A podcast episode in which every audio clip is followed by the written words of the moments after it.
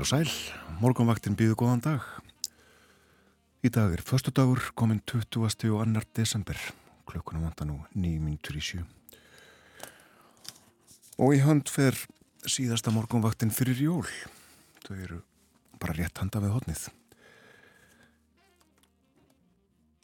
Við lítum til veðus og uh, sjáum að það er kallt um alland og uh, líklega óætt að tala um fimpulkulda sumstaðar.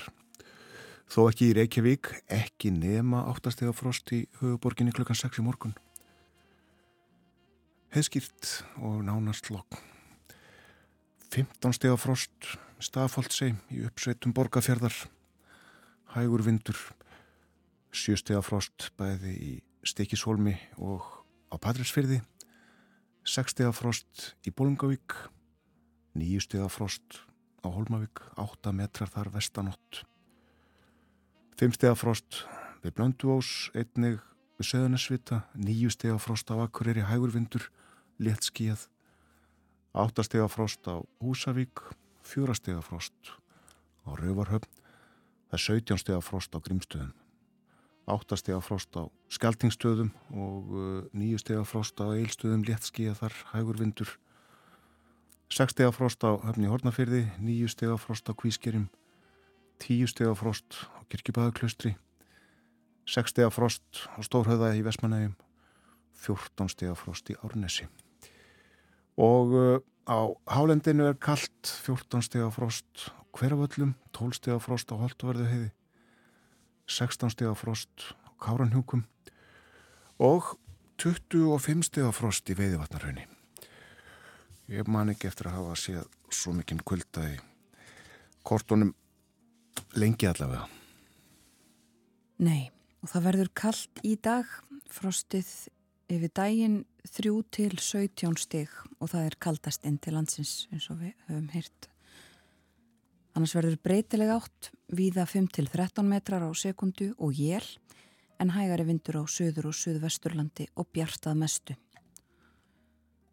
Á morgun á Þorláksmessu Norðaustanátt 8 til 15 metrar á sekundu og snjókoma með köplum en hægari norðaustanlands og þurft að kalla söðaustan til.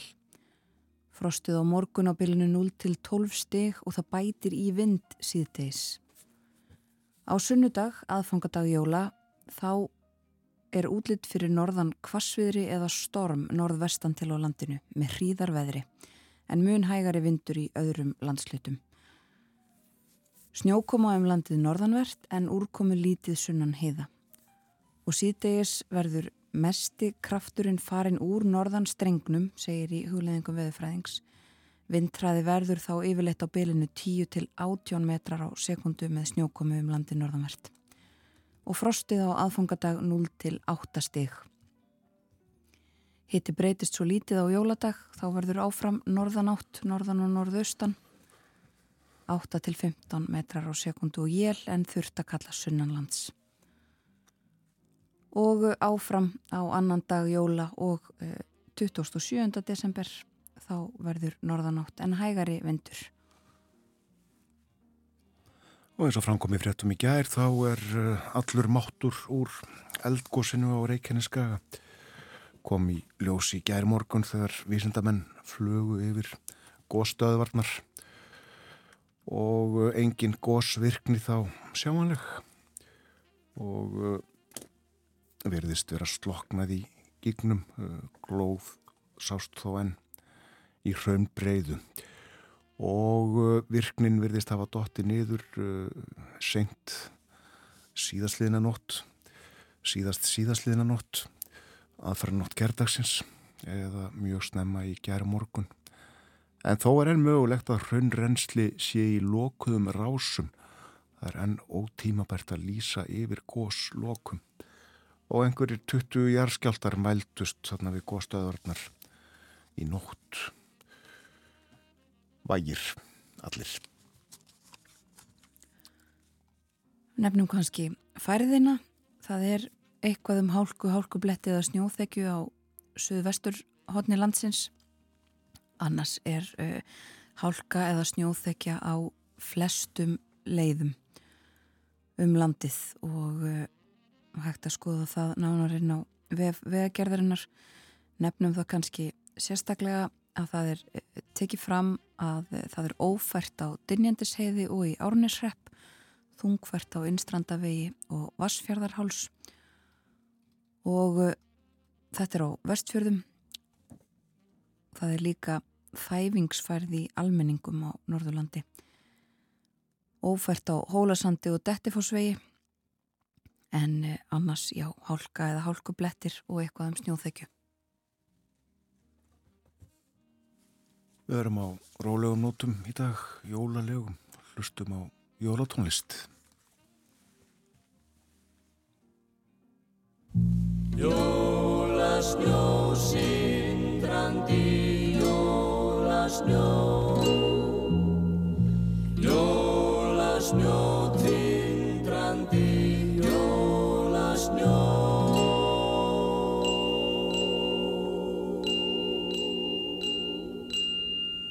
Jólasnjórin svífur niður yfir stræti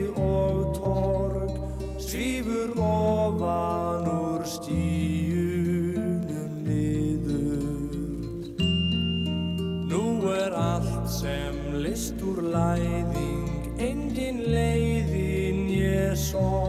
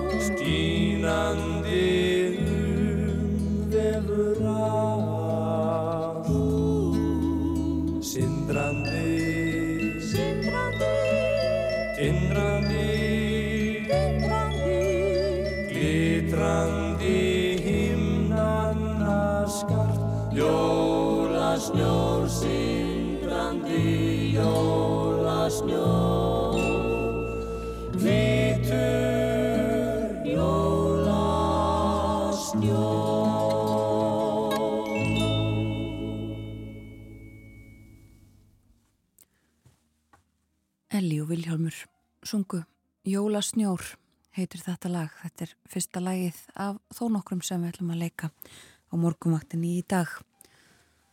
Við leipum nú fréttastofinni að það koma fréttir eftir tæpa halva mínútu.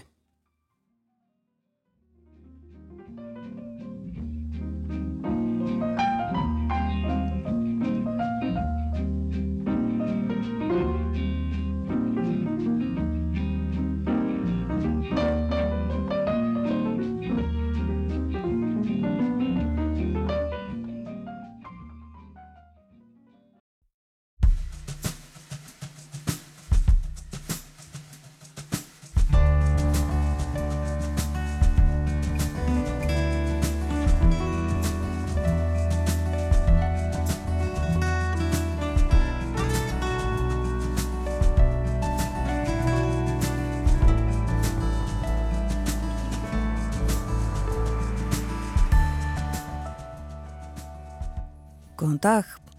Morgunvaktin helsar föstu daginn 20. og 2. desember. Umsjónamenn eru Björn Þór Sigbjörnsson og Þórun Elisabeth Bóadóttir. Í hönd fer síðasta morgumaktinn fyrir jól. Á morgun er lögadagur þálagsmessa og svo rennur aðfangadagur upp á sunnudag. Við höldum því litlu jólinn í þættinum í dag. Kveikjum á kertum, drekkum kakó og nörtum í smákökur. Við leikum jólalög, lesum sögur og fleira. Og við ætlum líka að slá á þráðin norður í Öksarfjörð og vestu til Ísafjörðar. Við nefnum líka að við rifjum upp Þorláksmessu stemninguna í miðborg Reykjavíkur árið 1949. Við fylgjum Margreti Indriðadóttur sem þá var ung frettakona hjá útvarpinu en varð setna frettastjóri. Við fylgjum henni í bæinn. Nokkuð óhefbundin. Morgunvakt sem sagt þannan morgunin. En uh, samkvæmt venju að uh, þá tölum við aðeins um veðrið höfum yfir veðurspá dagsins í dag helgarinnar. Já, það er breytilega átt í kortunum í dag, viða 5-13 metrar á sekundu og jél, en hægari vindur á söður og söðvesturlandi og bjart að mestu. Frostið í dag 3-17 stygg kaldast inn til landsins. Og á morgun norðaustan 8-15 metrar á sekundu og snjókoma með köplum en hægari norðaustanlands. Þurft að kalla söðaustan til og frostið 0-12 stygg og það bætir í vind síðdeis á morgun þorlagsmessu. Og eigum við ekki að nefna líka spána fyrir aðfangadag. Það er gert ráð fyrir norðan 18 til 25 metrum á sekundu norðvestan til um morgunin, annars munhægari vindur. Snjókoma um landið norðanvert en úrkomi lítið sunnan heiða og norðan 13 til 20 metrar á sekundu setnipartin. Frostið 0 til 8 stig á aðfangadag. Við að halka á vegum og það er ófært á dynjandisheiði eins og stendur. En uh, allir sé ekki verið að móka, ég trúi því. Nú, uh, sólstöður eru í dag eða voru í nótt svo við séum nákvæm.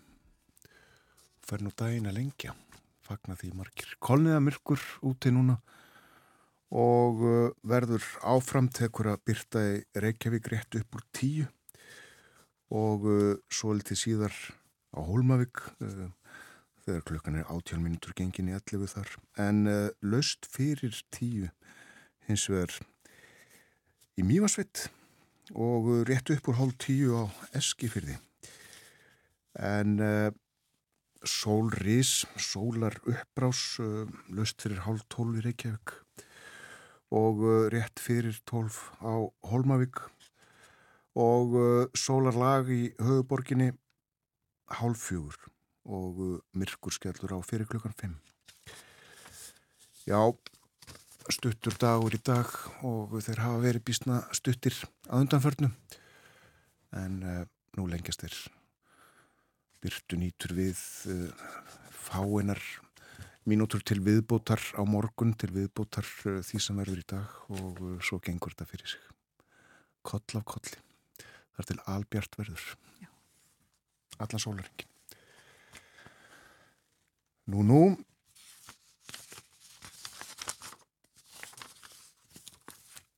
Jólatri er víða á heimilum en uh, það hefur nú ekki alltaf verið þannig. Og uh, löst fyrir aldamótin þar síðustu þá uh, var skrifað í kirkjublaðið sem að uh, var eins og sagði í haus mánari tanda íslenskri alþýðu. Var skrifað þar svo litið um jólatrið Þórhallur Bjarnason reitt stýrði kirkjublaðinu. Þórhallur uh, lög Guðfræði prófi frá Köpmannahafnar háskóla 1883 og var prestur, prófastur og líka kennari við eh, prestaskólan og uh, hann satt á þingi einnig og uh, var svo skeipaður biskup yfir Íslandi það var uh, 1908 en sem sagt 1893 reitt stýrði hann kirkjublaðinu og skrifaði þá svo litið um jólatri og þá var ég ekki komið til sögunar í íslensku reittmáli jólatrí Jóð E. En uh, Þorður skrifaði flest allir lesendur geta líklega gjört sér hugmynd um jólatrí hvernig það lítur út, ef ekki af sjón þá af sögu. En þó skal því líst hér. Til jólatrésins er valið ungt grinnetri, hæfilega hátt í stofuna, blöðin á því eru sívalar og grannar nálar, sígrænar eins og á einirnum og setja þjett á mörgum greinum sem standa jamt út til allra hliða og stittast eftir því sem nærdregur toppinum, svo að treð grennist upp. Stopnin er þráðbeitn. Á greinarnar eru fest kerti, aldin og annað sælgeti og ímislegt skraut, auk jólagjafa til barnana og til fullorðina á heimilinu. Allt eftir því sem föngeru á. Skrýtt og tendrað jólatri er dýrileg sjón fyrir eh, börnin og flestum fullornum mun og þykja indi að sjá það og hefur græna tré með ljósgrúðinu og góðum gjöfum í vetraskamdeginu vekur guðrækilegar hugleðingar um lífsins tré og ljósið af hæðum og hérna himnesku jólagjöf. Allt saman er ytra merki hins mikla fagnadar sem veittur er öllu fólki. Jólatrið á aðalega heima í lúterskum löndum og frum stöð þess er í norður Þýskalandi. Uppbrunni þessi að saga er tölvert óviss. Það er miklu eldra en siðbótinn og ef til vill má rekja sögu þess til heðni. Hvað getur komið í stað jólatriðsins á voru fátæka, skólösa landi til aukins jólafagnar fyrir unga og gamla, spurði svo Þóraldur Bjarnason í lokin af þessum stutta pistli um jólatrið. Nú, uh, ég er hér líka með uh, ritið Bjarka sem að gefa út á Seyðisfyrði og uh, þar er líst stuttlega jólatrið skemmtun sem endar til fyrir jólin 1898.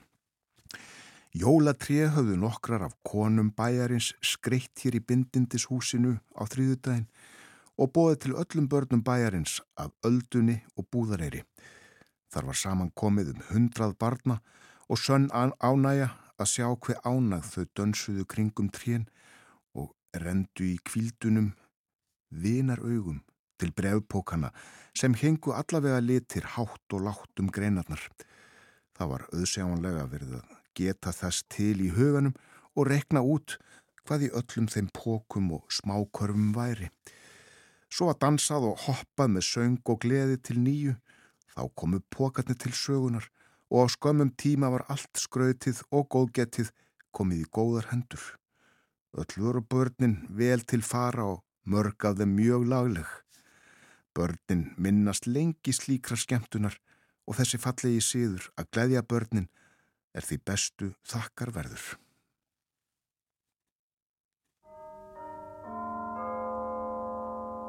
Yeah.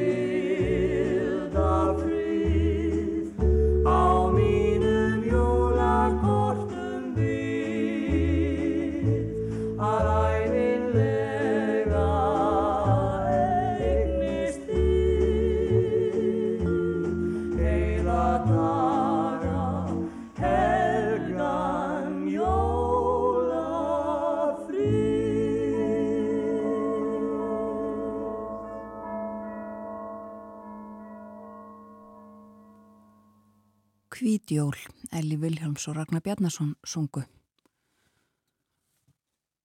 Við lítum í blöðin og uh, það er helst að frétta hér í morgunblöðinu að uh, til eru menn sem vilja að uh, hákarlinn fari á heimsminjaskrá UNESCO. Lista þar. Rætti Guðmund Stefánsson, hann er matalfræðingur starfar hjá Matís og segir ég var beðnum að skrifa eitthvað um hákarl og þá komst ég að því að það hafðu enga rannsóknir verið gerðar á hákarlum. Okkur langaði því að átt okkur betur á þessum forvitnilega mat sem hákarlin er en sérstaðan hjá okkur er að við erum eina þjóðin í heiminum sem verkar og borðar Grænlands hákarl. Og uh, hákarlin, uh, hann er það sérstæður eða sérstæð vara, þessi matvara sem unnin er úr honum, að uh, hún eigi í raun möguleika inn á lista UNESCO fyrir hefðbundnar framleiðslu aðferðir en í nýlegri rannsókn er kallast Hákarlsverkun og hópur sérfræðinga hjá Matís gerði, gerði það í saminu við Bjarnarhöfn Þá var eh, markmið að skilja hvaða örverur það eru sem kæsa ákallin. Aðteglisvert. Forsýðu myndin eh, tekinn á Reykjaneskaganum í gær af eh, gósstöðvunum en eins og við höfum nefnt og framkom í fréttum í gær þá er eldgósinu líklega lokið og á myndinni má sjá nýrunnið raunið en uh, ekki rauglóandi eins og það uh, var jú þanga til í kær. Lítum aðeins í Erlenda fjölmiðla. Það hefur verið líst yfir þjóðarsorg í Tjekklandi eftir skotarás þar í gær í háskóla þar sem að minnstakosti 14 byðu bana. Og uh, fjallaðum þau mál í fjölmörgum Erlendum fjölmiðlum í dag Sumi leiðis fjallaðum það sem við heyrðum um í frettunum áðan það að bandaríkin, fulltrúi þeirra í, í öryggisráði saminuðu þjóðuna hefur fallist á tillögu sem að nú leikur fyrir um stöðumála á Gaza. Söðum frá því hér á mánudaga þá stóð til að greiða atkvæði í örgisráðinu um tillögu um að um vopnallíja og það að koma mannúðar aðstóð til gasa í auknum mæli. Þessari tillögu hefur svo verið ítrekkað frestað á meðan að uh, deilt er um hvernig hún skuli orðuð ekki villi til þess að fara aftur í atkvæðagreyslu þar sem að bandaríkin myndu beita sínu neitunavaldi en uh, það liggur ekki fyrir uh, hvort að önnur ríki í öryggisráðinu samþykki tillöguna eins og nú stendur. Það eh, var talað um að það erði að hætta árásum eh, koma á þannig ástandi en nú eh, er hveðið á um að það þurfi að búa til aðstæður þar sem hægt verði að hægt verði að hætta árásum. Þetta er uh, annað orðalag og bandaríkin sögðust hafa áhugjur af því að uh, fyrir tillega myndi í raun uh, gera aðstóð við palestínumenn á Gaza erfiðari og hæja á henni. En uh, þessi mál áfram til umræðu í uh, örgisráðinu áður en að komið verður að atkvæða greiðslu. Og svo nefnum við líka að það er vond veður, það er stormur viða í norður eh, Evrópu, fjallaðum þau mál í fjölmörgum fjölmjölum meðal annars uh, töluverðum fjöllun í dönskum fjölmjölum uh, stormurinn heitir Píja við heyrðum að þessu í uh, hugleðingum veðurfræðings hér í gær. Við sendum vonda veðrið hérðan þangað yfir Norður-Európu og það er búist við töluverðum trublunum á samgöngum og fleiru slíku víðar. Fjallaðum þetta í norrannum fjölmjölum og sömulegis breskum og það eru þetta bagalegt vegna þess að það eru svo margir á faraldsfæti þessa dagana. Fjallum það í breskum fjölmjölum að e, það séu kás í ferðalögum það sé útleitt fyrir að um, það verði tafir vegna uh, veðursins og svo líka um, eru um, líka lestir, vegir og, uh, og siglingar í hættu. Sumulegis er norst skemmtifærðarskip MS Mod. Það varð vélarvana á milli Danmerkur og Englands í gerðkvöldi.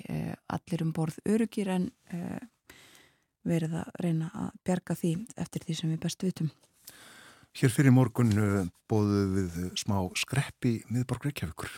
Já, við ætlum að fara þangað núna. Þetta er úr gömlu efni úr sapni Ríkisútásins frá því að Þorláksmessu árið 1949.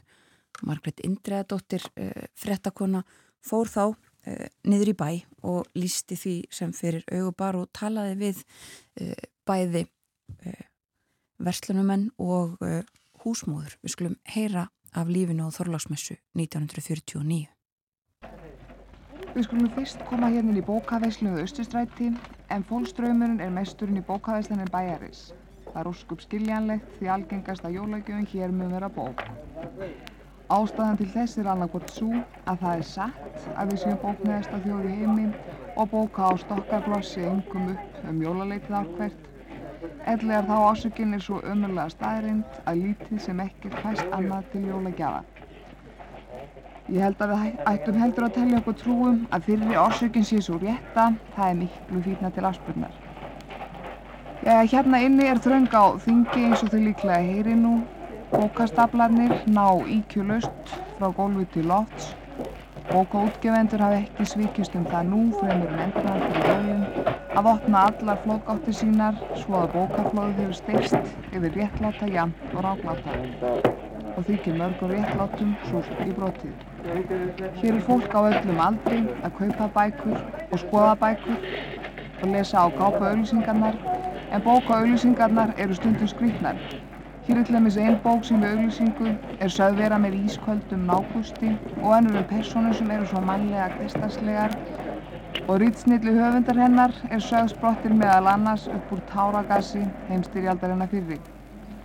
Annars er maður hálf hissa á því að sjá allir þessu ógrunni bóka því það er langt síðan útgefendur tóku að vara landslífið því að þetta eða hitt snildaverkið væri alveg að verða uppsett. Þannig best að reyna að komast hérna upp að borðinu til Veslunarstjórnars. Gott kvöldið. Gott kvöld.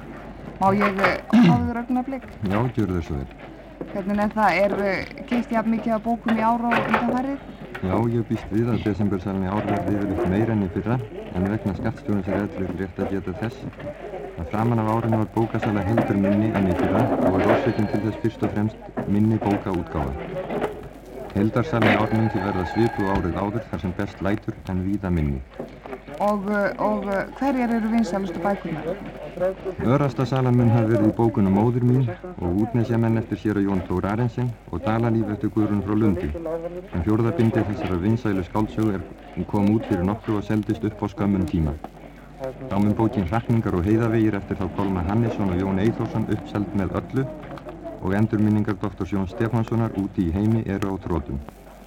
Af öðrum bókum er sérstaklega vinsald að njóta nú fyrir jólinn má nefna hildar útgáðuna af Rítum Bóluhjálmars sem telja má einhverja merkustu útgáðuna í ár og enda hafa margi fagnat henni mjög. Nýjust útgáðan af Eðnum eftir Þorstin Erlingsson og með eilíðar verum eftir þá Þórberg og sér að átna. Langt vinsælasta barnabókin hjá okkur er án og margt getur skemmtilegt stjæð sem Stefán Jónsson hefur verið að lesa kalla úr undanferðið í barnatíma útvarsins. Já, það er náttúrulega ekki verðt að tefja þau lengur. Ég þakka þau kellaði fyrir allar þessar upplýsingar. Það var ekki neitt.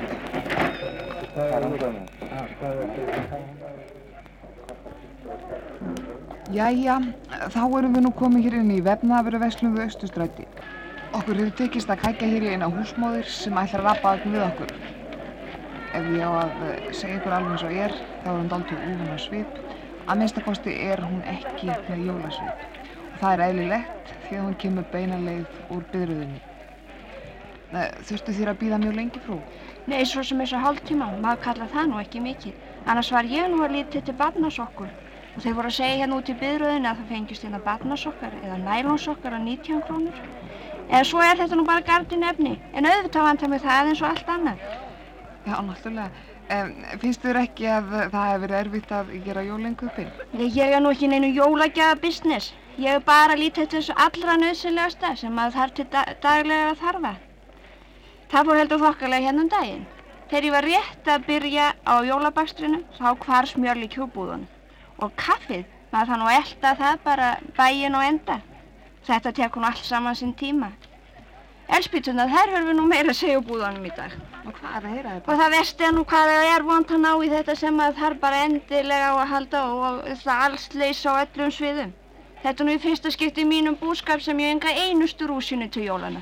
Hvorki jólakökunni og grautinn. Það verður vist álægilegur jólagrautur. Segið þér mér nú frökinn. Haldið að væri nú ekki gáulegur að flytja svolítið handsápu sem maður geta að skóla þessi skítin fyrir jólinn heldur en öll þessu óskupa ylvetnum. Ég kom nefnilega gangandi hérna niður laugaveg og það var ekki til svo ómerkileg búðarhóla að ekki verðar útstilt mörgum tegundum af þessu fína franska ylvetni. Og finnst þér að verða minn, að það verði miklu minna úr peningunum núna heldur en til dæmis fyrir jólunni fyrra þegar kiptir inn til heimilisins? Æjú, alltaf verður þeir nú ótrúri og ótrúri. Hundrakallin hann er bara búinn um leið og maður hefur hann milli handana. Og ég nefn ekki þegar búið er að skipta hann, sko, þá sér maður ekki á hann meira. Nú, ég er næst, svo alltaf þessu þarna. Ég þarf á 5 metra. Ég held mér veitur nú gerði ég að fá mér í gardínur. Það er bara bleiugaströslu fyrir glukkanum hjá mér. Já, Guðspann láti mig ekki tefjur og ég þakka þessu kærlega fyrir Já, er ég að sæla frökinn. Eins og þið hafið hýrt virðist skorta sitt að hverju af þessa heimskæðum til þess að gera verandlega jólaháttið okkar fullkomna. En við skulum vona að ekkert okkar sé svo illa á vegi statt að geta ekki glaðst á jólunum frátt fyrir það og óska ég ykkur öllum svo gleðilegra jóla. Þetta var frá Þorláksmessu í miðbæ Reykjavíkur árið 1949 og við höfum ekki nöfn á viðmælendum Margreðar Indriðadóttur þarna.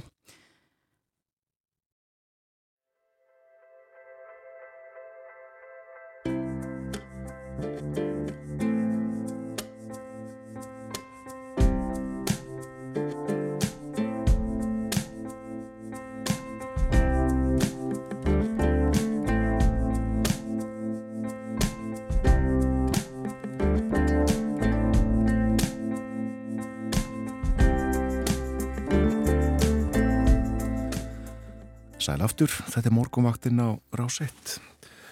Klukkan réttliðilega hálf átta, það er förstu dagur í dag, 20. og 2. desember. Hér sitja Björn Þór og Þórun Elisabeth, við fylgjum ykkur til nýju í dag.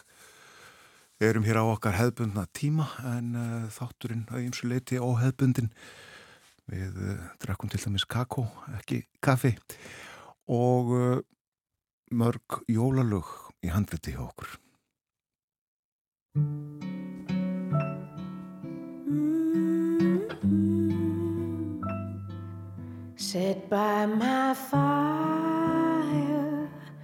I'll never leave you.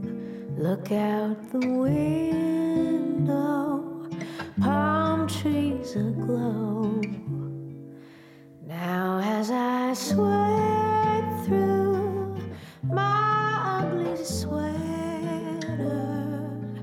Christmas with you is better than snow. Drive to the ocean all through December. It would be nice to hide from the cold. Then the sun warms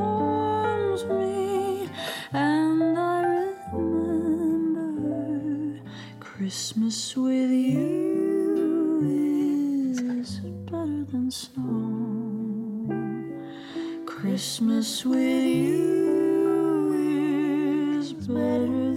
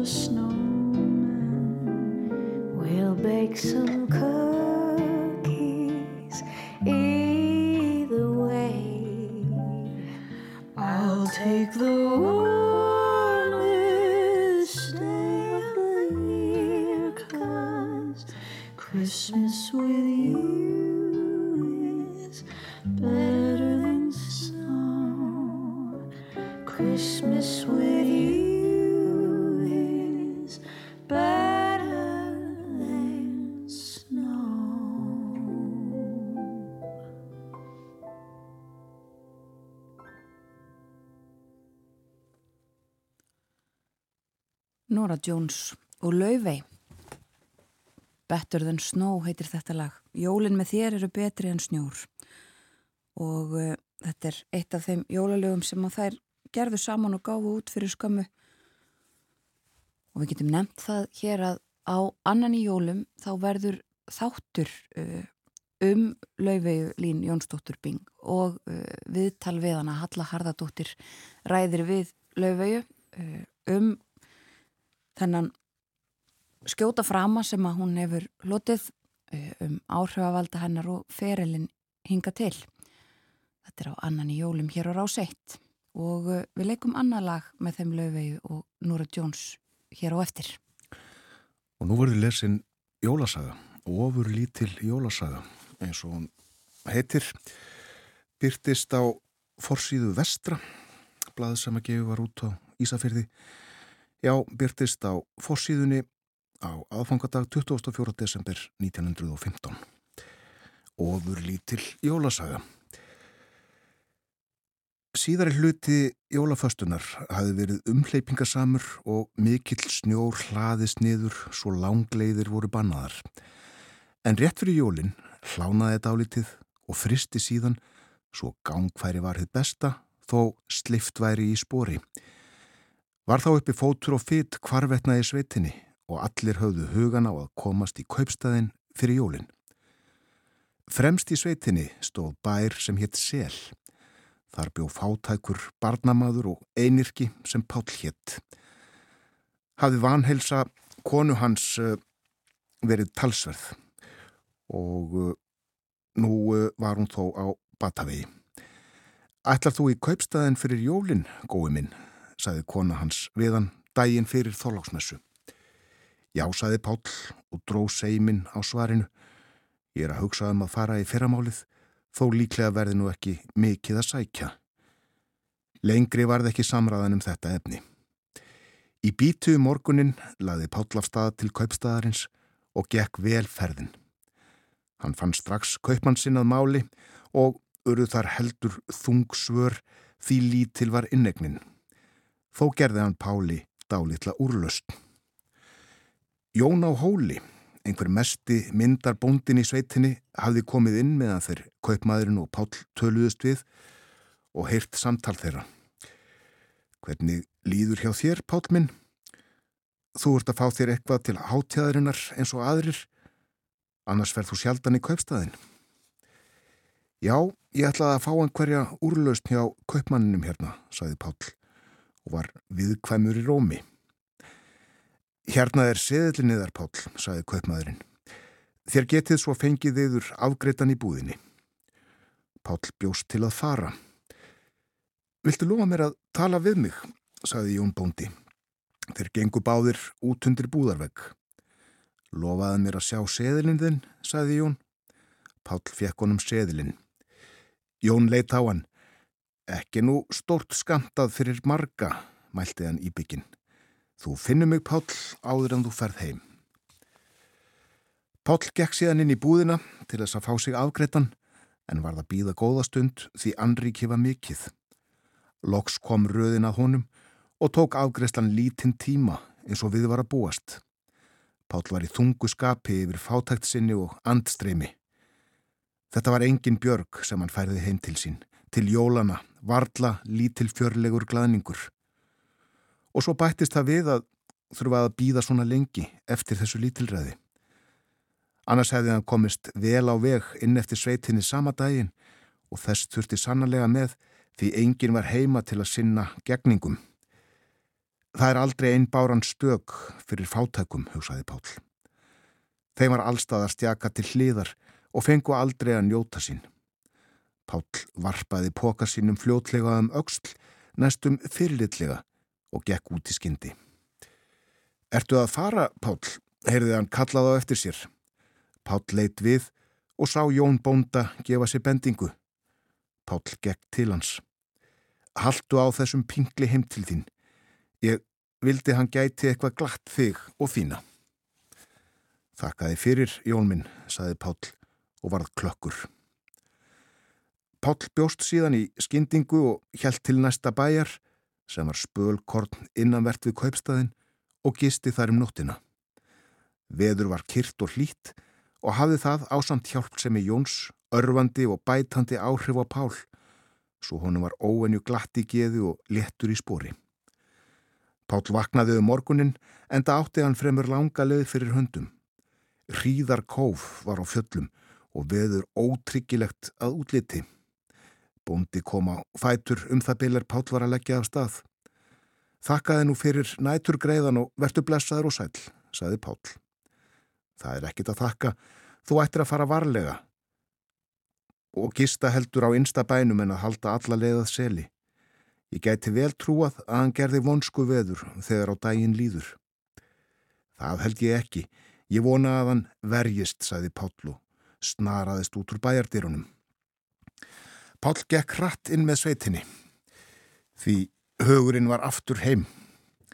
Ekki leið á löngu þanga til. Harða vindstrókur þeittust frá fjöllunum og lognjél á milli. Og nokkru eftir dagmálinn var komið versta veðrið og syrti óðum að með hríð. Pál hjælt ótröður áfram göngunni. Hann vildi komast áfram og heim sem fyrst. Þegar Pál var komin inn undir innsta bæin skall á dimviðra hríð. Hann fór að verða lúin en það hafði töluvert að bera því pingillin frá Jóni var töluvert þungur. Hann hafði nú hríðina í fangið og var hún svo hörð að honum láfið andköfum og var það snúa sér undan. Ekki vildi Pál fara til bæjar en það hugðist koma heim sem fyrst og hann hugsaði heim til fjölskyldunar. Hann hjælt nú áfram góða stund en staðnæmdist við og við. Nú rangaðan við sér, annarkvort hafi veðustadan breyst eða hann var orðin viltur. Hvað átti hann að taka til bræðs? Ef hann heldi áfram, lendi hann máski í illfærugili. Það lágu líka mörg mannsbein þar og í svörtuglúrum. Eða átti hann að leggjast fyrir og grafa sig í fönnina. Pál var bæði innmanna og örfinglaður. Heim vildi hann. Það var allt sem battan við lífið. Ást hans, von og trú. En hann var allur svo megn laus að hann virtist porki líka minn ég sál geta starfað. Best fannst honum að leggjast í sængina kvítu og sopna fyrir fullt og allt. Hvað hafði lífið að bjóða honum af gleði og sólskinni? Nóa, eimd og örbyrð en enga gleði, ekkert sólskinn. Allir ættu að vera gladir á jólunum. Þau væru gleðinar hátíð. Pál mundi eftir jólunum þegar hann var barn. Þá var hann gladur og kátur. En núna, síðari árin, höfðu daglegar áhyggjur byrt alla jólagleði. Og þó aldrei eins hörmulega og nú. Loksgat Pál hert upp hugan. Hann helt áfram og breytti stefnunni dálítið. Hann var nær því að gefast upp í annað sinn. En heyrði þá hundgá, aftur og aftur, nær því í sömu átt og hann stemdi. Aldrei hefur maður hljóði fegnari orðið en Pál varði þetta skipti. Honum fannst þreytan hverfa og hríðin verða miklu mildari. Hann þekkti að það var valur hans sem gelti. Nú hlaut hann að komast heim. Eftir nokkra stund náði Pál, Pál til bæjar. Börnin hópuðust um hann og rópuðu Elsku pappi, elsku pappi, gleðileg jól, gleðileg jól. Pál kisti konu sína, þau föðmuðust. Hún hafði heimt hann úr helju. Við erum komin frá húsunum fyrir nokkur, saði hún, og uh, það var elsti drengurinn þeirra sem að stóð þarna, hann stóð fyrir utan og sendi val hundin út í hríðina til þess að gefa þeir vísbendingu með geltinu. Heldur þótti Páli jóla fastan orðin myndarleg og jólin voru í hönd. Þegar hann fór að skoða pinkilin hans Jóns, þá kættist hann. Þau voru, þar voru ímsar kræsingar, kjött fyrir börnin og leikvöng og nú var allt á heimilinu ljósum skreitt. Og nokkru setna var lesin lesturinn og sungnir jólasálmar. Þetta voru einhver ánægilegustu jólin sem Páll hafði lifað.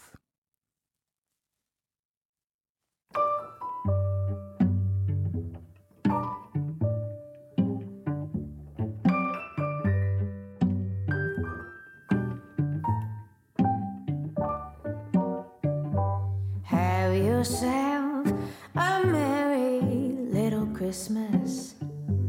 Let your heart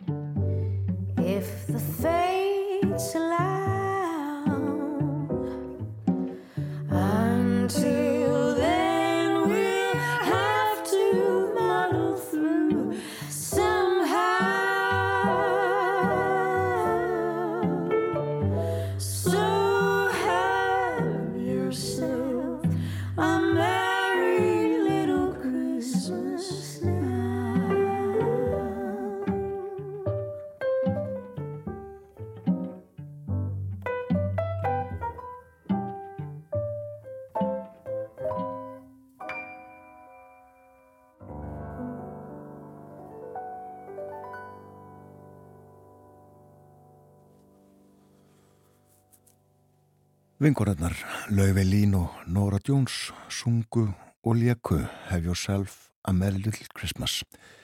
Þekkt jólalag sem margir hafa flutti gegnum áratvíina og það á einni við um næsta lag. Hér er eh, Óskar Pítursson og eh, hljóset hans White Christmas.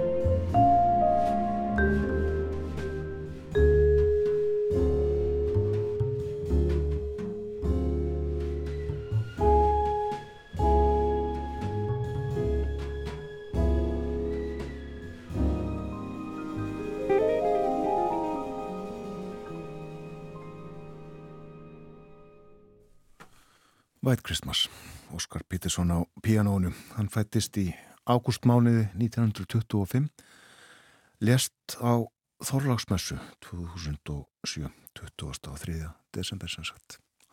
Þorlagsmessa einmitt á morgun. Það líður að fréttum hjá okkur hér á morgunvaktinni. Við fáum fyrst auðlýsingar eftir fréttir. Tökum við upp síman og uh, ringjum norður í land og uh, vonur til þess að Jón Ármann Gíslason, prestur í Langanes og skinnastaða prestakalli svari okkur.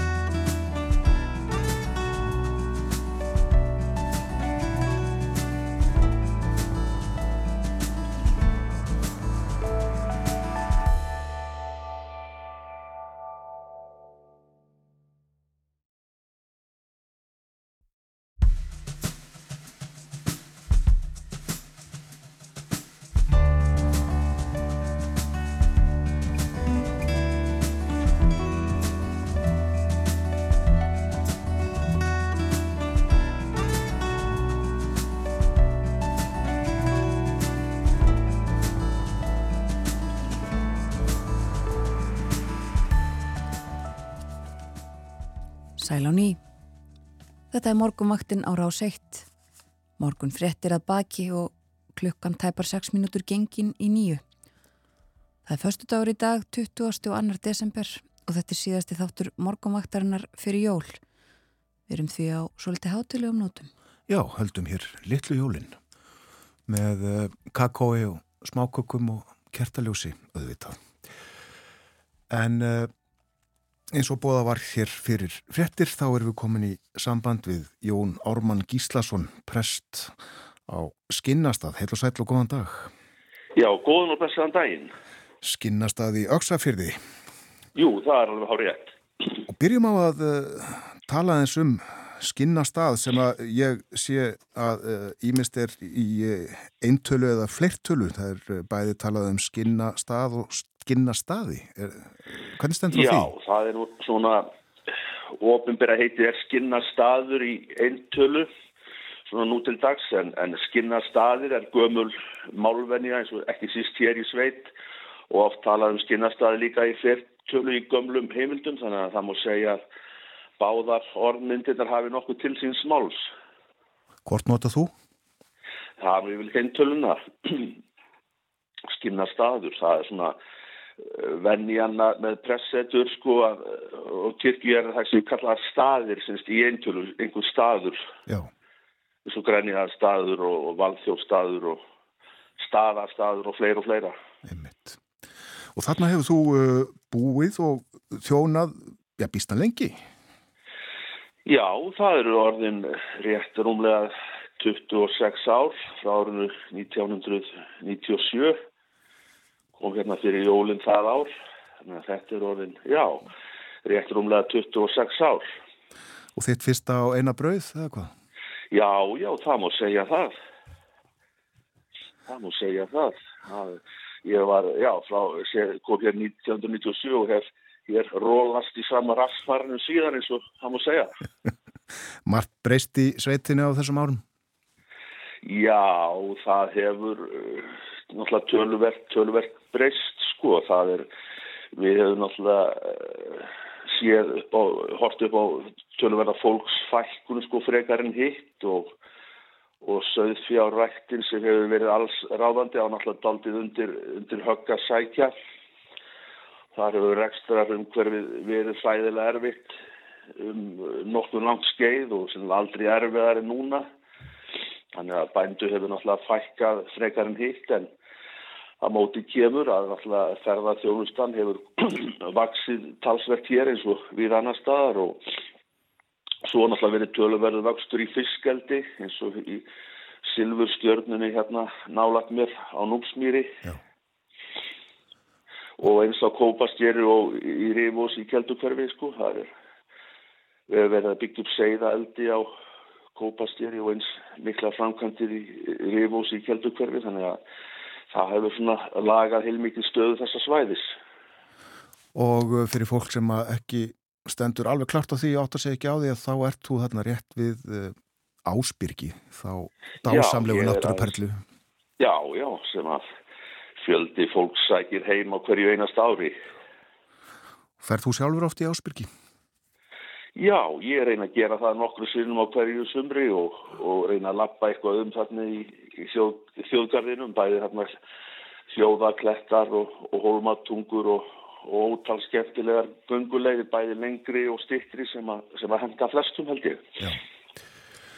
En uh, þú þjónar á nokkuð stóru svæði má segja. Uh, þú ert prestur á, á Þórsöfnir það ekki? Já, já, ég er á skinnastafin og nú er þetta orðið eitt prestakall austur á Langanes og það er annar prestur sem situr á Þórsum, sér að Gjartrúður Árnadóttir og, og við sést þjónum saman, þetta eru alls sex sóknir, garðsókn í Kjeldukverfi og skinnastafasókn hér í Öksafyrði, snartarstaðasókn, Núpasveit, Kópastér og, og vestur hluti slettunar, svo er það Rauvarhafnarsókn og Svalbardsókn í Þiskilfyrði og, og Þórssafnarsókn sem er Þórssöfn og Langanes. Þannig að þetta er viðfært svæði þó að sé ekki íkja, íkja mann, mannmart en þetta er kannski um þúsund manns af allir þessu svæði sko. Og býstna margar kirkjur er það ekki? Jú, þetta eru sem sagt sex kirkjur Og hún er uh, gömul kirkjan á skinnasta. Segðu okkur svolítið frá henni. Já, þessi kirkja, hún var við árið 1854, þannig að hún verður 170 ára á næsta ári og sá sem stóð fyrir byggingu hennar var þá sér að Hjörleifur Guttónsson en hann fluttist síðan í Svarvadalinn á Tjötn og hann er sérst forfaðir Kristjáns Eldjáls og, og þeirra rættar Já. og Skinnastæða kirkja eins og hún er í dag þykir bara mjög fallegt guðshús og hún var skreittað innan uppröðanlega af artgrifi málara, artgrifi gíslasinni og það verið reynt í gegnum tíðin að láta skreitingar hans svona halda sér eftir því sem hægt hefur verið og það verið farið oft yfir þær og það er svona sérstök skrautmálning sem enginn er kirkjuna innan og, og þykir heldur bara mjög, mjög falleg. Já, það er uh, uh, mikilvægt að varveita þetta gamla Guðsús. Já, já, þetta er mjög mikill held ég gimsteinni í kirkjuflórinu okkar og og flestir sem koma hingað verða bara nokkuð, nokkuð snortnir sko og eins og í sumar það kom hérna vestur Íslensk kona sem var mjög hærð og snortin yfir því að vera komin á slóðin forfæra sinna og maðra Já, akkurat. En hún var búin að reykja eftir sína hingað í þessa sveit sko. Hvernig messiði yfir hátíðarnar? Já, við erum nú reynir nú að fara á allar kirkjurnar sko, það er aftansöngur á Rauvarhöfn og Þórsöfn á aðfangadag við erum tvö og svo svo hérna eru förum við á jóladag á Svalbari Tiskilfyrði og hér á Skinnastað og, og hérna og snartastæði við, við kópastér og, og það eh, haga nú þannig til að við eh, verðum nú alls þrjú sem að sinna um guðstunustunum því að haga nú þannig til að kona mín er, er líka prestur og hún fekk leiði yfir blá jólina því að hún starfa nú í Kópavogi og mun, mun annast eitthvað að guðstunustunum hér. Já, já, já. Já, þeir búið í, í, í, í Sigurðan landslutanum hjónin? Já, ég hef verið einsettu kall núna frá því í haust og þegar kona mín tók til starfa í Kópavogi. Já, já. Kynntust þið í Guðfræðináminu kannski? Já, það er, jú, það er málið. Það er fyrir um það byrj 30 árum eða rúmlega það. Já, já. En uh, er fólk duðlegt að sækja Guðstjónustur hjá ykkur? Já, ég myndi segja að fólk væri nokkuð dögulegt í það á, hátíðum eins og jólum sérstaklega en, en auðvitað eh, vildi maður oft sjá fleiri við hefðbundar guðsjónustur þó að maður sé þetta líka bara fyrst og fremst þakkláttu líka fyrir hvern og eitt sem mætir sko. Já, já. Það hefur verið, eh, verið eh, bara í lægi er það ekki að, að komast á milli staða í haust og, og svona þennan fyrirpart vettrar? Jú, jú, jú, jú, jú það hefur ekki verið neitt, neitt stórmál sko, þetta hefur verið mjög mild tíð og það að gera. Já, kallt líklega hjá þér í dag eins og annars staðar á landinu? Já, það er svona nokkura gráðu frost en mjög, mjög hægilagt veður þannig að maður finnur ekki mikið fyrir því. Nei, akkurat. En hann er býsna langu titilliðin, soknaprestur í Langanes og skinnastæðaprestakalli og prófastur í eigafjörðar og þingæða prófastæmi. Já, ég hef verið, verið prófastur hérna í all nokkur ár og þá fylgir að prófastur er ætlað að vera trúnaðar ma maður biskups Íslands á svæðinu og hafa svona ákveðnar stildur með svona með því að hafa ákveðna ums, yfir umsum með starfinu og, og ákveðna stildur þegar nýr prestur eru valin og, og þess aftar svona ymislegt sem þessu fylgir. Já, og eru margir prestar í prófastæminum? Já, það eru, það eru 14-15 prestar og, og eitt starfandi, eitt starfandi djákni eða tveir annar leifin svo er. En hvernig eh, er það? Heldur þú skeppnur á skinnastöð? Nei, ég gerir það nú ekki lengur sko, en ég átti nú fyrstu árin alltaf, átti ég alltaf nokkra rollur sem að ég svona hugsað aðeins um en ég hef nú ekki, ekki gert það eh, síðustu árin sko. Nei. Af því ég þarf svona sérstaklega kannski út á prófanstarfinu stundum að stökkva til og vera daldið á, á ferðalögum Akkurat. um svæðið sem er daldið vísend. Já, einmitt. Og uh, hefur þú haft í nefn að snúast á aðvendunni? Já, já, það eru all, alltaf nokkuð mörg eh, verkefni á aðvendunni, fólk sem að þarf að hitta og svo náttúrulega aðvendu kvöld og, nokk, og svona samveru stundi bæði með yngsta og elsta fólkinu og, og fleira og fleira og alltaf húveikjur og ýmislegt. Einmitt. Það var gaman að uh, heyri í þér Jón Orman þakkaði kjallaða fyrir spjallið og gleðileg jól. Já, það var lítið, bara ósku ykkur öllum og öllum þeim sem að á þetta eh, hlusta bara ósku ykkur öllum gleðilega jóla. Takk, takk. Jón Orman Gíslason, hann er eh, eins og áður sagði sóknaprestur í Langanes og skinnastæða prestakalli og prófastur í eigafjörðar og þingega prófastæmi og uh, talaði frá skinnastað. Gott veður í dag, uh, svo litið frost en uh, vel fært milli staða, milli þeirra kirkna allra sem að tilheyra þessu prestakalli sem er nokkuð stort eins og framkom. Já, skinnastaður rétt við ásbyrgi og þanga reynir. Jón Ármann að uh, koma alltaf uh, nokkru sinnum á hverju sumri. Við skulum þessu næst hlusta á jólalag. Stevie Wonder syngur Someday at Christmas.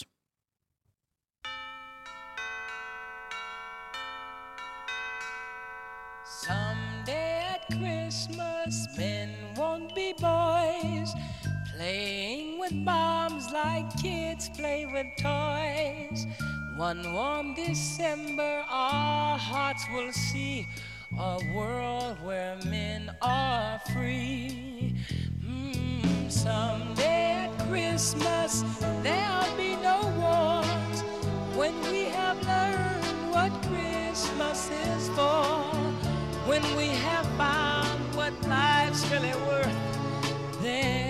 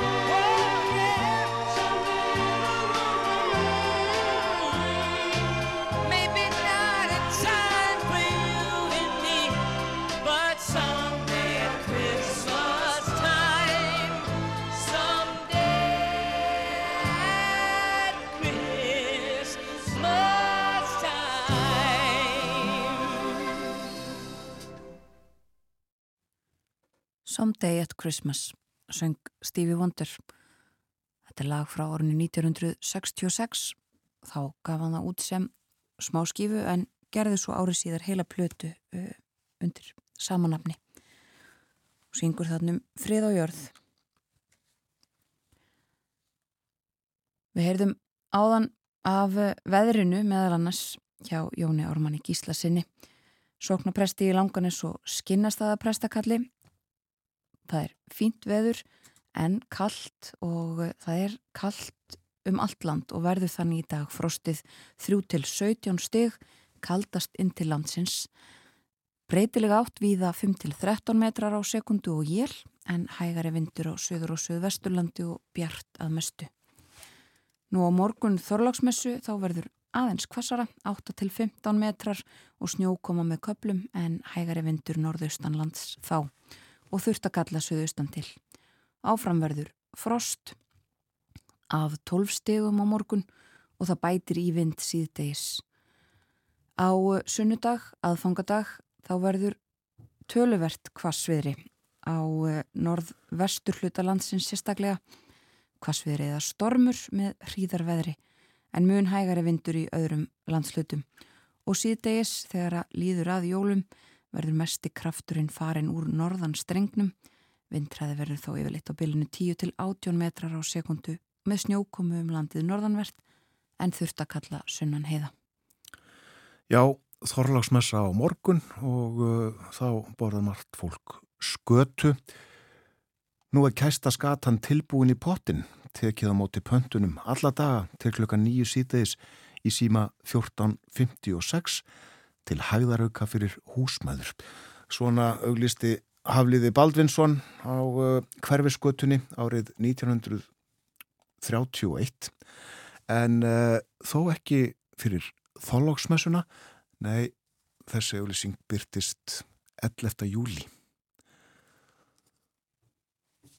Svo var tíðin að skatan, kesta skatan var borðið allan ásins ring en nú held ég megi að segja að, að fáir ef nokkrir borðana nefn á þólásmessu. En við ætlum að tala þessum skötuna hér á eftir um skötu veistlu eina mikla sem að haldin er á Ísafyrði.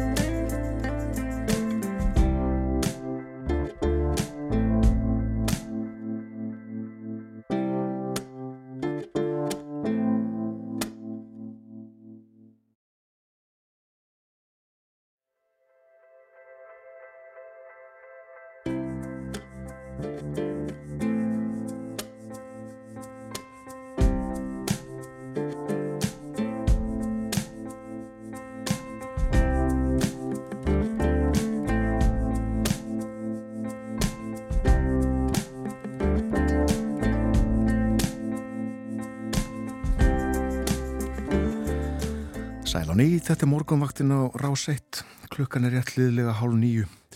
Það er förstu dagur í dag, 20. og annar desember. Og þállagsmessa á morgun og uh, þá borður margt fólk skötu. En við ætlum að fórhættnast um skötuveislu eina mikla sem að uh, haldin er á Ísafyrði. Við erum komin í samband við Valþór Alla Birgisson. Hann er formaður Björgunarfélags Ísafjörðar sem stendur að skötu visslunni. Heil og sæl Valþór. Já, sælir. Blessaður. Þú uh, ert nú kannski ekki að hugsa um skötuna akkurat núna, þú ert að vinna, þú ert í, í vinnuvél, er það ekki? Jó, nú stendur við bara í snjómótri.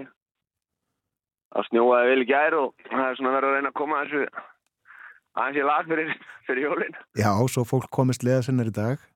Já. Já. Og uh, þú ert sem sagt uh, innan bæjar á Ísafyrði að móka snjó. Já, já, já, bara halda gatnakerfinu í opnið og Já. þetta er gott eins og í gær en það snjóaði vel í, nei gott, já, það er gott í dag en það snjóaði vel í gær og það er svo verið að þrýfa leifotnar og, og hérna gera rýma fyrir nýjum byrðum eins og við segjum. Er, er fjallvegir ófærir, veistu það? Nei, en ég held að sé nú, það er svona vel á þeim, sko. En uh, hefur verið uh, þörf á miklum snjómókstri núna í vettur á Ísafyrði? Nei, hefur, þetta hefur verið mjög friðsælt, sko. Koma þetta eitt skott, eitt, tvö, já, og svo bara núna, sko. Um, geta verið að sinna jarfinu bara, já, framundir desember. Já. Og nóg að gera uh, hjá verktaka í, í, í slíkum verkefnum? Já, hér er allir verktakar bara í, í blasti held ég, sko. Það er bara þannig, sko. Ertu með margar Það vélar? er... Já, þetta eru... Já, Já. þetta er, þetta er slatti sko, 10-12 vilar eða eitthvað. Og hva, hver hafa svona helstu verkefni verið? Það hafa bara verið í jarfinu, við að gera tengivirki fyrir landsnitt, þrjú stykki og svo bara það sem tilfellur, svona, gera rólovelli og svona, já, bara, það er bara, já, það er nóg að gera í þessu. Gott að heyra. Alltaf eitthvað. En uh, tölum þá aðeins um skötuna. Þið uh, standi fyrir þessari veistlu á morgun uh, e, e, og hafi gert lengi eða hvað?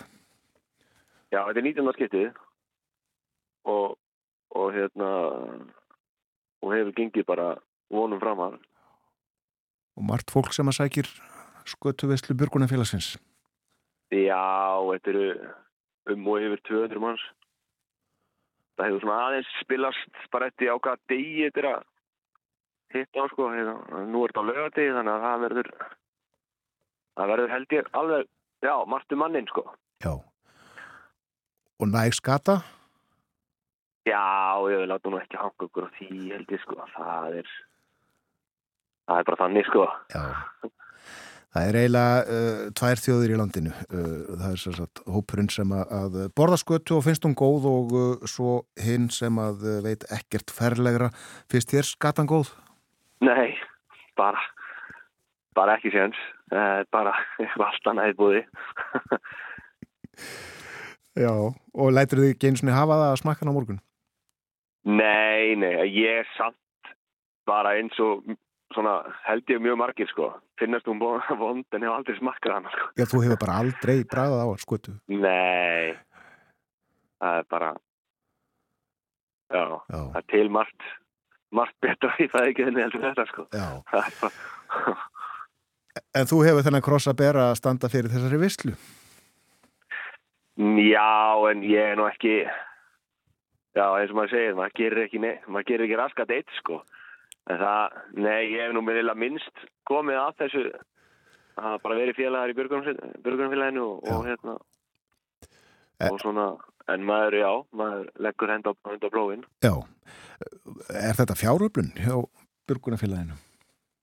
Uh, já, þetta er það nú, en samt er þetta frýtt.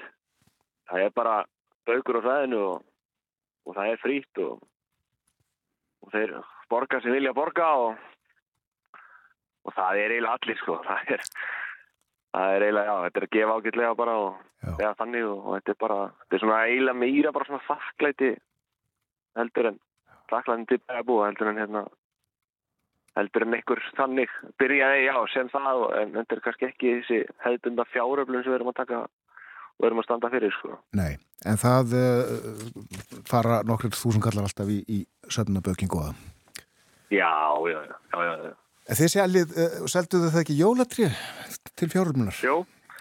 Gekk það vel? Höfum verið í já, já, það er bara, en þetta er bara, þú veist, þetta er, þetta er alltaf þetta sama eila, sko, þetta er, en samt er nú óvinnu mörg ný andlit sem að hafa verið að koma núna undan hærin ára, eða svona síðustu ára og þetta er, en samt ekki þannig að fjölga, sko, þú veist, þetta er, þetta er alltaf, já, þetta er alltaf sama magnið en, en hérna, Já.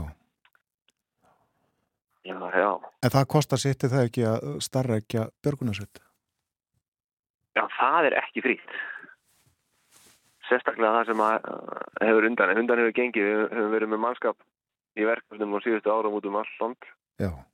Vorum á, í snjóflóðin á Neskustad og, og hérna, og það hefur náttúrulega staðið vaktina í góðsinu. Þannig að það er, það er dýrt að, dýrt að halda úti, halda úti hérna björgunarsveit, sko. Já, já, þið eh, stormið að vestan eh, bæði austur og söður þar sem að eh, verkefnin eru.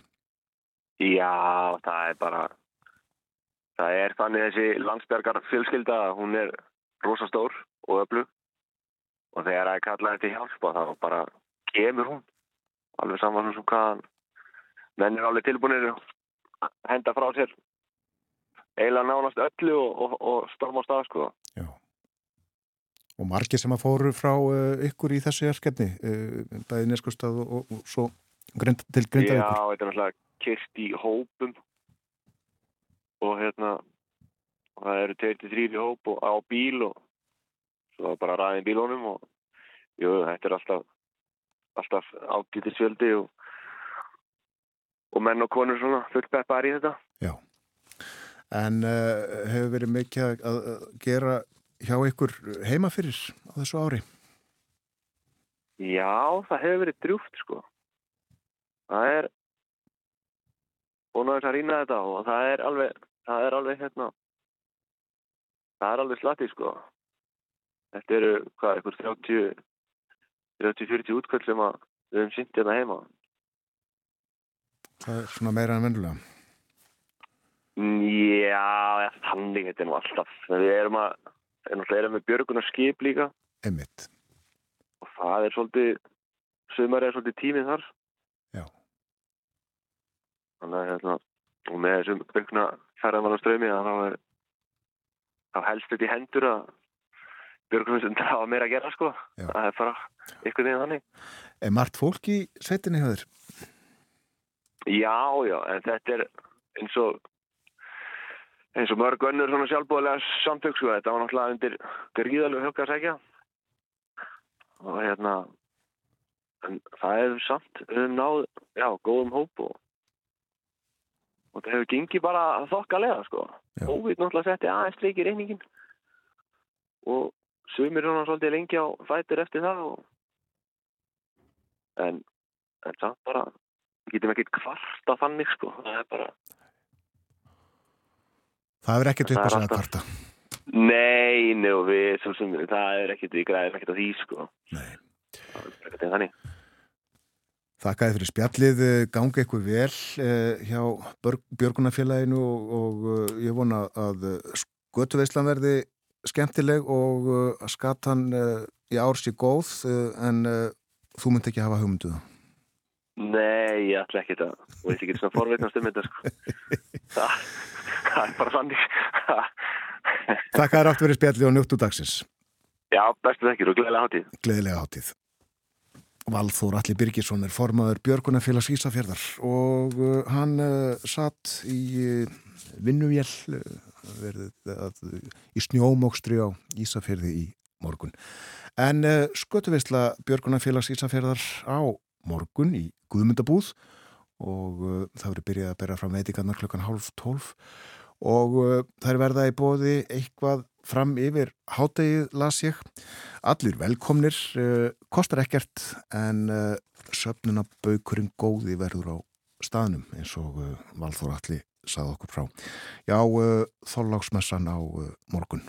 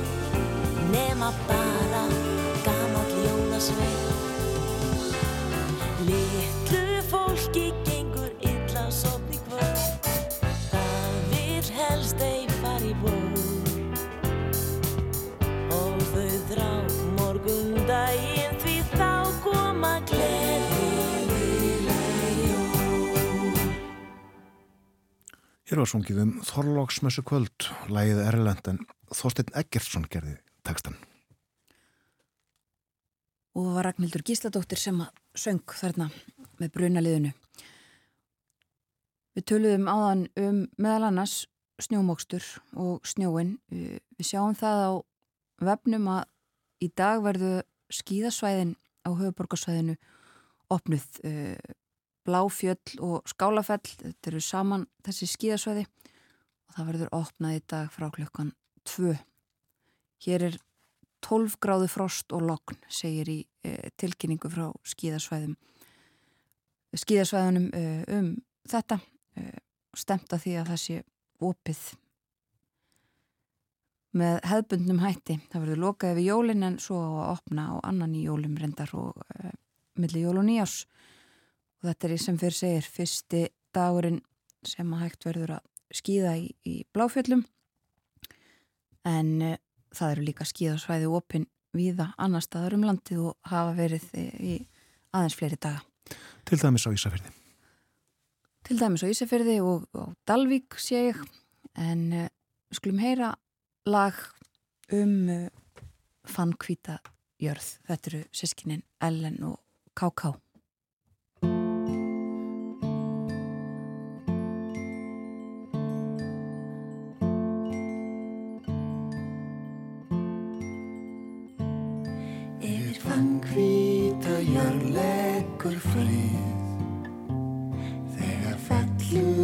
lokk dríf á grund.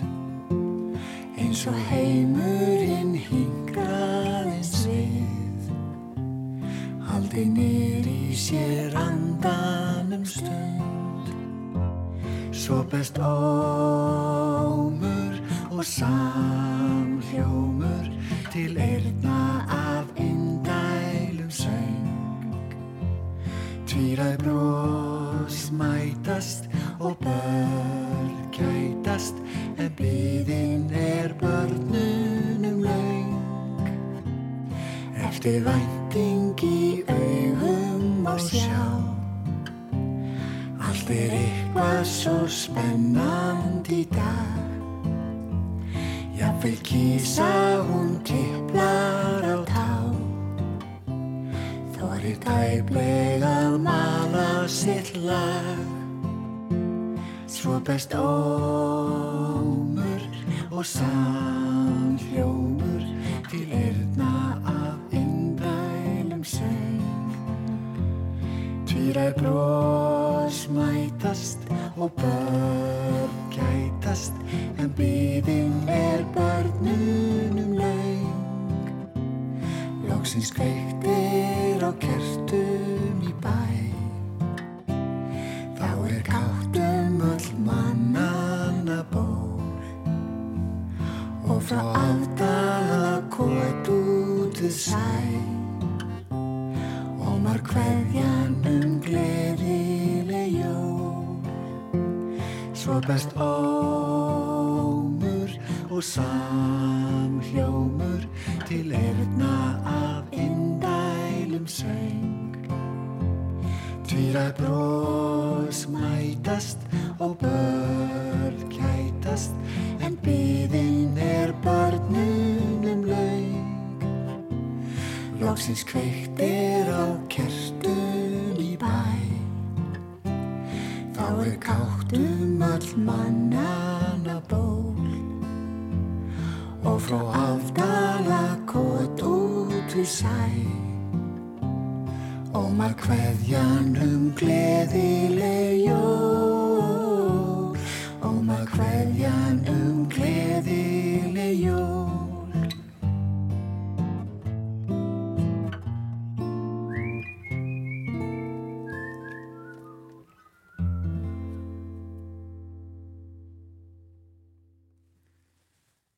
Yfir fann hvita jörð.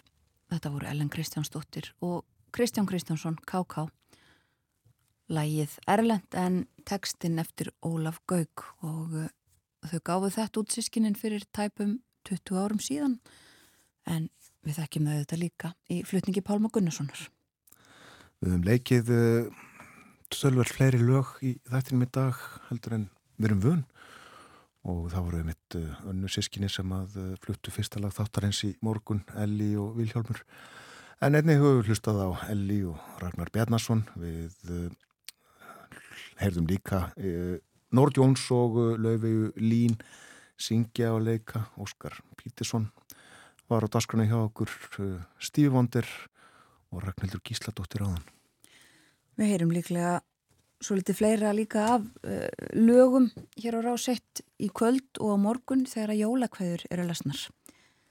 Jólakveður lestur uh, fasturliður fyrir mörgum og uh, það verður hafist handa við að lesa þær klukkan átta í kvöld. Svo eru þær lesnar uh, allan morgundaginn meir og minna. Ekkert annað á dagskráðila nema fréttir. Nei, nánast ekki. En morgunvaktinni er að ljúka í, í dag og þessa vikuna og fyrir jólinn. Við höfum setið hér frá því snemma í morgun Björn Þóru og Þórun Elisabeth og eh, morgunvaktin verður næst á dagskrá þann 27. desember. Við verðum hér melli jóla og nýjárs. Já, þrýr uh, vinnudagar já, flestu fólki þá, eða mörgu fólki allavega. Við þakkum samfélgina í dag og uh, þessa vikuna. Vonum að þið eigið gleðileg jól. Ljúkum þættinum á vetrarsálmi, lægið Erlend, Greta Mjöll, Samuelsdóttir, gerði textan Hilda Örvas syngur, verði sæl og gleðileg jól.